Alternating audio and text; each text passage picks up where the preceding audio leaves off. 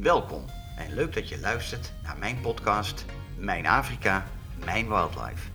In deze podcast vertel ik persoonlijke verhalen uit 30 jaar exclusieve natuur- en wildlife reizen in het ongerepte Afrika. Graag deel ik mijn expertise en ervaringen met gepassioneerde safari-liefhebbers. Dit vooral om te inspireren hoe we met elkaar iets terug kunnen doen voor de natuur, haar wildlife en de lokale bewoners. Hoe zullen we straks weer gaan reizen na corona? En hoe kun je dan een positieve impact achterlaten in de fragiele natuurgebieden op dit overweldigende continent? Ik ben geen wetenschapper. Ik ben ook geen bioloog. Ik ben wel een ervaringsdeskundige op het gebied van duurzame en exclusieve natuur- en wildlife reizen.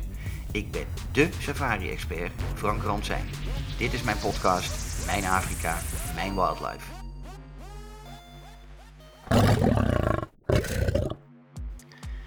In deze aflevering.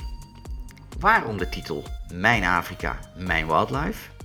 Vijf vragen die je moet stellen wanneer je een safari-reis naar Afrika gaat plannen. Het ontstaan van safari. En natuurlijk tot slot een mooi persoonlijk verhaal uit de Afrikaanse natuur. Ja, je zult je misschien afvragen waarom de titel Mijn Afrika, Mijn Wildlife. Ja, natuurlijk, eh, toen ik eh, bezig was met eh, in mijn brein tot de conclusie te komen dat ik graag een podcastserie wilde maken over ehm, safaris in natuurgebieden, ehm, dat ik eigenlijk tot de conclusie moest komen dat mijn hele leven draait om Afrika en draait om wildlife in prachtige natuurgebieden en dat niet per se in alleen Afrika. Dat is natuurlijk wel waar ik 25 jaar lang vakmatig mee bezig ben geweest. Maar mijn hele leven is Afrika al mijn passie. En ehm, ik ervaar het dan eigenlijk ook als het is in mijn leven de rode draad. Het is daarom mijn Afrika en het is mijn wildlife. Er is natuurlijk helemaal niets van mij bij, maar het is zoiets als mijn kind of mijn spullen. Daar blijf je vanaf. Het is van mij en ik wil daar heel graag uh, ja, mijn kennis en ervaring over delen. Wanneer je je hebt voorgenomen een safari-reis te gaan plannen naar Afrika, dan wil ik je eigenlijk altijd adviseren om vijf vragen voor jezelf of voor jullie zelf te beantwoorden. Uh, voordat je uh, keuzes maakt en bedenkt hoe het er allemaal uit zou moeten gaan zien. Dit geldt voor zowel mensen die voor het eerst van hun leven naar Afrika gaan of voor het eerst in hun leven op safari gaan. En dit geldt eigenlijk ook voor mensen die al tien keer op safari zijn geweest. Dan nog denk ik dat het zeer verstandig is om altijd weer die vijf basisvragen voor jezelf te beantwoorden. Uh, voordat je overgaat tot het maken van keuzes en invullingen. Nou, wat zijn die vijf vragen? Vraag 1. Waarom wil je eigenlijk naar Afrika of waarom wil je op safari? Bedenk je hoe dan ook wat je beweegredenen zijn om dit zo graag te willen gaan doen. Dit is voor iedereen weer iets heel anders. En voor de ene is het echt uh, een, basisprincipe. Ik wil heel graag in mijn leven die uh, zogenaamde Big Five een keer gezien hebben. Ja, en dat zijn natuurlijk olifant, neushoorn, leeuw, luipaard en buffel. Voor een ander uh, is de beweegreden om naar Afrika te gaan of, naar, of op safari te gaan weer een hele andere. Voor veel mensen betekent safari eigenlijk ook gewoon ultiem genieten in de ruige natuur. En ja, we kunnen rustig stellen dat de meeste safarigebieden van Afrika enorm ruig is. Uh, en daarmee ook gewoon kan voldoen aan uh, ja, de wens om daar eens in de zoveel tijd een uh, aantal dagen of een aantal weken in door te brengen. Voor de ander zal het gewoon weer heel wat anders zijn. En dat kan ook betekenen de actievere mogelijkheden die er op, uh, in een safari-reis mogelijk zijn. Van het doen van meerdaagse wandelsafaris tot een kano-safari, tot zelfs uh, ballonsafaris of andere activiteiten die er allemaal mogelijk zijn in deze natuurgebieden. Uiteindelijk komt het erop neer dat het goed is jezelf af te vragen waarom je eigenlijk op safari wil en uh, ja, wat je er uiteindelijk van verwacht. Vraag 2. Waar kijk je het meest naar uit als je een safari-reis gaat plannen? bedenk voor jezelf, wat is het wat ik straks verwacht of hoop dat er gaat gebeuren, of dat ik te zien krijg, of waar ik mee te maken krijg.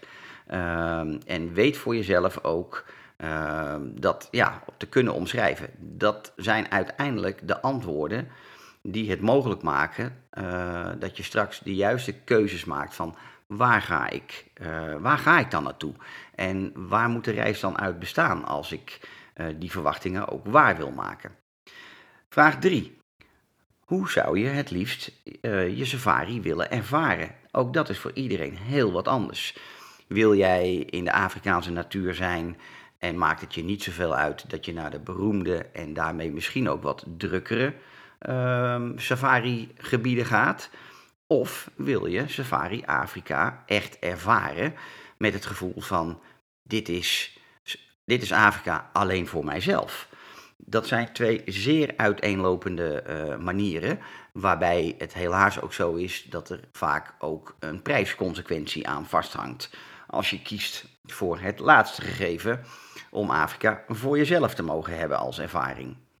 Vraag 4 die je moet stellen, mag stellen, kan stellen, of je tijdens jouw safari ook een positieve impact kunt achterlaten op de bestemming die je bezoekt. We denken dat de toekomst zal zijn dat steeds meer mensen uh, maatschappelijk betrokken zijn en ook dus meer betrokken zijn bij de natuur, haar wildlife, de lokale bevolking. En de trend zal zijn dat we steeds bewuster gaan reizen en ook iets terug willen doen op reis. En vraag je dan ook af, wat zou ik voor een positieve impact kunnen achterlaten uh, als ik op safari ga? Daar zijn duizend en één mogelijkheden voor. Die zal ik in een andere aflevering uh, nog een keer terug laten komen. En tot slot, vraag 5. Wat kun je doen om uh, de verwachtingen die je hebt voor deze reis ook zoveel mogelijk uit te kunnen laten komen. Het enige advies wat ik je daarop kan geven is praat met een safari-expert. Een persoon die Afrika goed kent, die alle safari-gebieden goed kent, die precies weet wat waar te verwachten en wanneer. En zorg dat je je goed laat informeren. Zonder er nu een al te grote uh, geschiedenisles van te maken, is het misschien wel leuk om iets te weten over hoe het begrip safari is ontstaan. Nou, we weten allemaal dat in vroege jaren uh, de meeste Afrikaanse landen koloniën waren van Europese landen. Uh, dat is allemaal zo gebeurd tussen 1895 en 1915. Zo was uh, Engeland uh, degene die Rhodesië, het hedendaagse Zimbabwe, maar ook Kenia en Oeganda en Zanzibar tot haar koloniën heeft gemaakt. Uh, Tanzania was dan weer een kolonie van Duitsland, Mozambique een kolonie van Portugal en Madagaskar bijvoorbeeld een kolonie van uh, Frankrijk. Uh, het waren de eerste expeditiereizigers die naar Afrika trokken uh, om alles in kaart te brengen, uh, landkaarten te maken, uh, maar ook vooral om allerlei diersoorten mee terug te nemen. Voor onderzoeksinstituten en universiteiten, et cetera, et cetera, in Europa. Nou, ongeveer in 19, of zo rond 1920 ontstond eigenlijk de eerste safari. er waren op dat moment dus heel veel Europese expats in Afrika, in alle verschillende uh, landen van Afrika. En het waren diezelfde expats die in die tijd de Happy Valley set werden genoemd. Uh, wat wij tegenwoordig misschien de jet set zouden noemen. Het waren expats die in Afrika natuurlijk uh, lang niet over alles beschikten wat wij hier in Europa hadden. Uh, waardoor zij zich enorm verveelden en soms geen raad wisten met hun vrije tijd of wat te doen deze vaak rijke aristocraten uit Engeland werden overvallen door eenzaamheid en verveling, uh, um, waardoor ze uh, op zoek moesten naar afleiding in die afgelegen gebieden van Kenia in dit geval. Ehm, de keurige Britten hielden er een, een lifestyle op na, nogal uitbundig, met feesten en jachtpartijen en, en eh, allerlei zaken die ja, het daglicht eigenlijk niet konden verdragen. Het was een, uh, een losbandig en decadente leefwijze, zoals wij die nu zouden omschrijven. Ehm, en daarmee kregen ze dus die naam van die Happy Few, Happy Few set. Wanneer zij ehm, in hun vrije tijd uh, het achterland in Kenia introkken, um, en dat deden zij dan uit, een, ja, uit een stoet van, met paard en wagen en ezels, eh, doorgaans begeleid door een grote hoeveelheid Somaliërs. Die moesten zorgen voor ehm, ja, de hele bepakking en die ook moesten zorgen voor de inwendige mens tijdens hun reis. Ze namen zo'n beetje de hele complete huisraad mee, de bush in. Van het duurste porselein tot het beste tafelzilver. Alles ging mee om uh, ja, de, de bushgebieden van Afrika uh, in te trekken. Bekende namen uit die tijd, waar veel films en boeken over zijn, zijn natuurlijk Danish Finch Hatton en Karen Blixen. Um, historische figuren waar nog steeds uh, uh, ja, heel veel over terug te vinden is. Ook als je bijvoorbeeld naar Nairobi in, in Kenia gaat. bezoek zeker het Kernblixen Museum en krijg een klein beetje mee van de historie van, van Afrika. Het waren ook deze eerste pioniers op safari die het, ja, het de, de, routine van een safari-dag hebben uitgevonden die nog steeds tot, tot de dag van vandaag in ere wordt, wordt gehouden. Van het, wanneer je in, in ruige natuurgebieden bent, zeer vroeg opstaan en erop uittrekken, smiddags een siesta houden. Deze wordt dan weer opgevolgd door de high tea rond de klok van half vier, vier uur.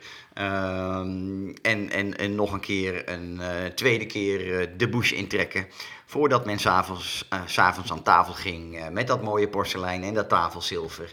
Uh, en de afsluiting van de dag bestond altijd weer uit het rond het kampvuur zitten.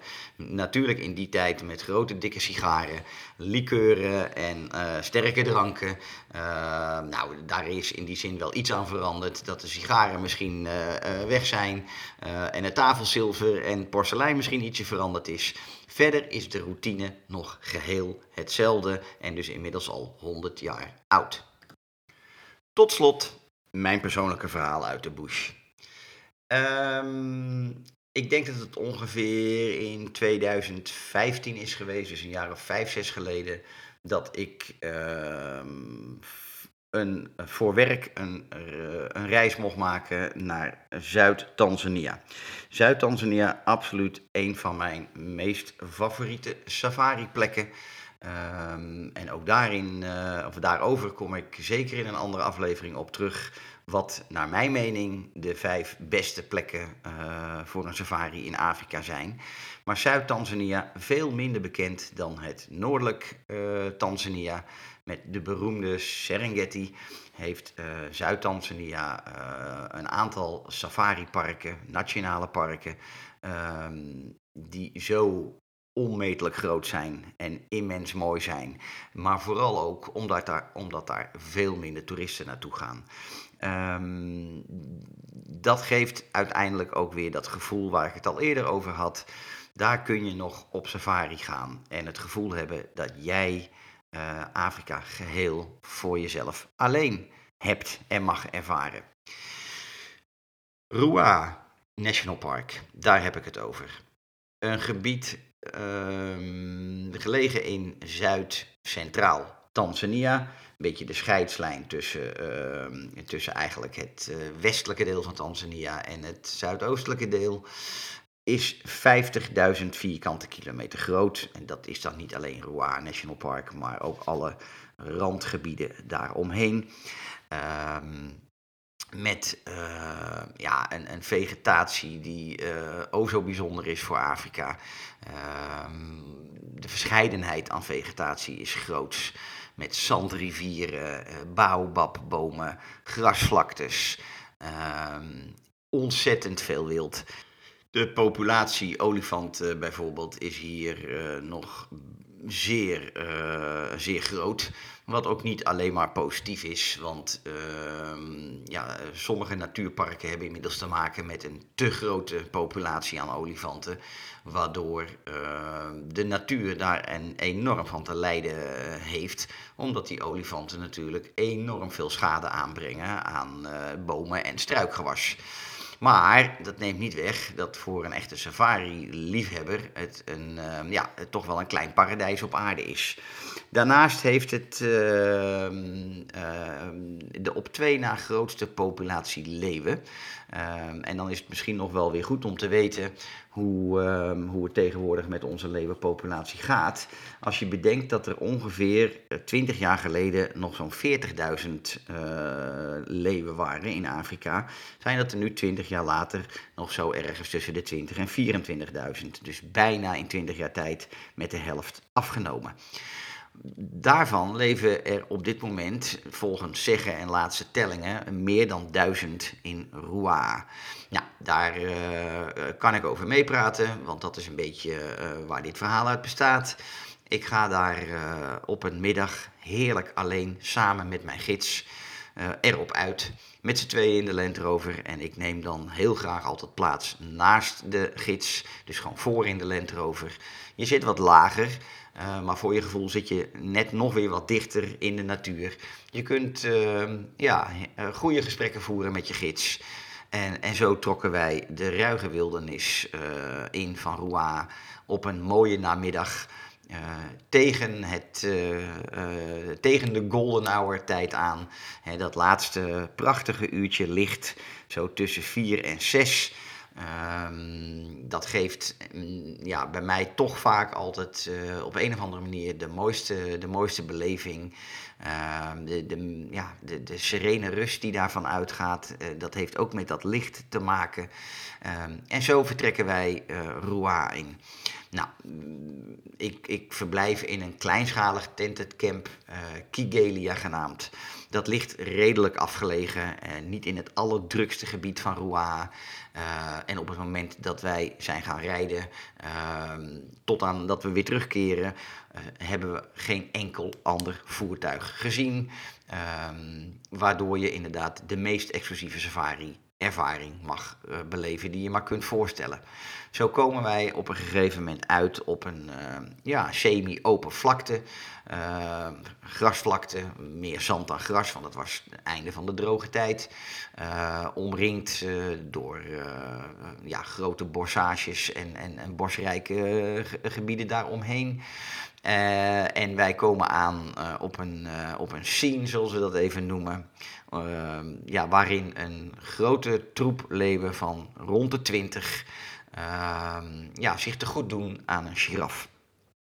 Nou is dat niet voor iedereen even fijn om naar te kijken. Dat realiseer ik me enorm.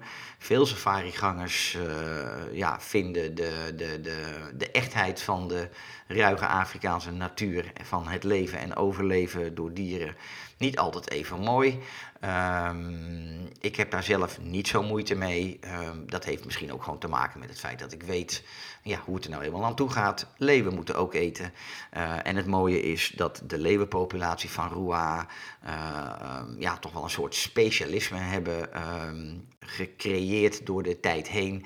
Waarin zij veel uh, giraffen als prooidieren hebben gemaakt. Um, daarnaast staat buffel ook zeer hoog op het dieet aangeschreven. Maar de leeuwen van Rouen staan er onbekend vaak giraffen te doden. Wij komen dus daaraan, uh, positioneren ons voertuig op een, uh, nou ja, een nette afstand van uh, de, de, de, de etende leeuwen en de dode giraf. dat is relatief dichtbij hoor, kan ik je zeggen, maar laat het een meter of 20 tot 40 geweest zijn. En uh, kunnen ons ja, te goed doen aan het eettafereel wat zich daar afdoet. En het was een, uh, een leeuwenfamilie met uh, veel vrouwtjes, met jongen in verschillende leeftijden. Dus vaak wat we dan noemen eerste of tweede offspring. Hè, dus dan zijn dat uh, leeuwen van 1 tot 2 jaar oud en 0 tot 1 jaar oud. Um, nou, het zijn natuurlijk vooral die hele kleine welpjes die zo'n scène echt tot een, waanzinnige mooie wildlife sighting maken. Um, die, die moeders, uh, vaak zussen en tantes van elkaar, die, uh, um, nou ja, die, die, die zijn aan het eten. Maar die kleintjes die willen ook eten. Um, dat gaat met veel gegrom en gegrauw en uh, gedoe gepaard. En uiteindelijk laten die moeders uh, die welpjes ook wel hun gang gaan. En ja, dat levert soms echt ja, wel komische tafereelen op. Zo was het in deze scene. en dat heb ik wel vaker gezien. dus dat gebeurde ook hier. Een giraf is best een groot dier. Uh, die was al voor een heel groot deel uh, aangevreten, zoals we dat noemen. Um, en dan zijn het vaak die kleintjes die zo'n uh, zo'n zo'n kadaver inkruipen. En gewoon aan de wandel gaan in zo'n kadaver. Klinkt allemaal heel erg uh, luguber. Uiteindelijk valt het wel mee. het gaat allemaal, zeker als de, de keel al uh, al, al een tijdje geleden geweest is en, en, en er al heel veel van gegeten is, dan gaat daar weinig tot geen bloed meer mee gepaard. In ieder geval, het is niet een overdreven bloedige scène.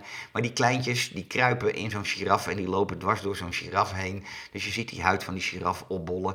Dan komen ze er in de, vaak wel, komen ze er in de regel wel weer uh, semi-rood uit tevoorschijn. Uh, nou ja, dat levert gewoon ontzettend mooie tafereelen op. Nou ben ik per definitie iemand die uh, eigenlijk uh, in al die jaren niet zozeer iemand ben die alles maar door een lens van een fotocamera bekijkt. Ik ben veel meer iemand die wildlife observeert, gewoon met zijn ogen. En alles wat hij ziet opslaat in zijn geheugen. Dat gaat er ook nooit meer uit. Um, de laatste jaren ben ik wat meer gaan uh, fotograferen met mijn iPhone. Uh, je kunt ontzettend leuke en mooie filmpjes maken, gewoon met een hele goede mobiele telefoon. En um, het, het geeft mij de rust om dingen ook echt te aanschouwen. Uh, want we weten inmiddels uh, ja, dat veel mensen die alleen maar door een lens van een uh, camera kijken, die zien het op een of andere manier toch anders. het is een beetje hetzelfde als tv kijken, denk ik. Je ziet het wel, maar je bent er op een of andere manier op een andere manier bij. Nou, wij hebben onze Sundowner, het lekkere drankje tegen ondergaande zon, hebben we natuurlijk niet buiten de auto genuttigd, maar in het voertuig. Uh, coolbox opengetrokken en uh, hebben samen lekker een biertje opengetrokken. Uh, en ik denk dat we ongeveer anderhalf uur bij deze leeuwen hebben gekeken. Nou, dan denk je, ja goed, wat is anderhalf uur? Ik kan je vertellen, de gemiddelde wildlife sighting in Afrika bij 90 tot 95 procent van de safari-reizigers, die is over het algemeen uh, 5 tot 10 minuten en dan wil men weer door. Ik denk dat er een aantal adviezen zijn in deze. Probeer bij een sighting als deze, en zeker als je de enige bent, want wij waren de enige. Hè? Er was geen enkel ander mens bij dan alleen wij tweeën als je zo'n uh, zo'n scène mag aanschouwen, uh, kan je alleen maar aanraden. Blijf zitten waar je zit, verroer je niet. Er gebeurt zoveel waar je ook zoveel van opsteekt. Uh, ondanks dat het soms een, scène kan zijn die ja, misschien niet voor iedereen is weggelegd. maar probeer wat langer te blijven zitten om te zien ja, wat er eigenlijk allemaal echt gebeurt tijdens ehm, ja, zo'n feestmaal van een grote groep leeuwen. Die kunnen, daar, die kunnen op zo'n giraf dagen teren. Dus het is ook gewoon heel belangrijk dat zij zo'n eh, prooidier hebben weten te verschalken. En advies 2 is: probeer wat minder door de lens van je camera te kijken. En probeer wat meer uh, ja, je ogen te gebruiken en het op te slaan op je harde schijf in je hoofd. Um, uiteindelijk zijn wij uh, tegen intreden van duisternis heerlijk huiswaarts gekeerd. Um, en kan ik niet anders zeggen dan dat dit een van de meest mooie uh, wildlife gebeurtenissen is geweest die ik heb mogen bekijken. Dit was mijn verhaal uit de bush voor dit keer. Volgende keer vertel ik jullie natuurlijk weer heel graag een ander mooi verhaal. Ontzettend leuk dat je hebt geluisterd naar deze aflevering van de podcast Mijn Afrika, Mijn Wildlife. Wil je meer weten en dus ook mijn volgende afleveringen beluisteren? Je helpt me dan het meest door me te gaan volgen. Druk op volgen, abonneer of op subscribe en je krijgt dan automatisch bericht wanneer er weer een nieuwe aflevering te beluisteren zal zijn. Ik zal in de volgende aflevering nieuwe persoonlijke verhalen met je delen en je natuurlijk verder adviseren over hoe nu eigenlijk een duurzame safari-reis te plannen. Een reis waarbij jij een positieve impact achterlaat op de reisbestemming. Ken je nu mensen die ook ontzettende wildlife liefhebbers zijn en wel wat advies kunnen gebruiken bij het plannen van een toekomstige droomreis naar Safari Afrika? Dan zou ik het ontzettend leuk vinden als je deze podcastaflevering met hun zou willen delen of doorsturen. Er komt hoe dan ook weer een tijd dat we allemaal zullen gaan reizen. Dat we dit zullen doen met veel meer betrokkenheid bij de natuur en onze planeet, dat staat vast.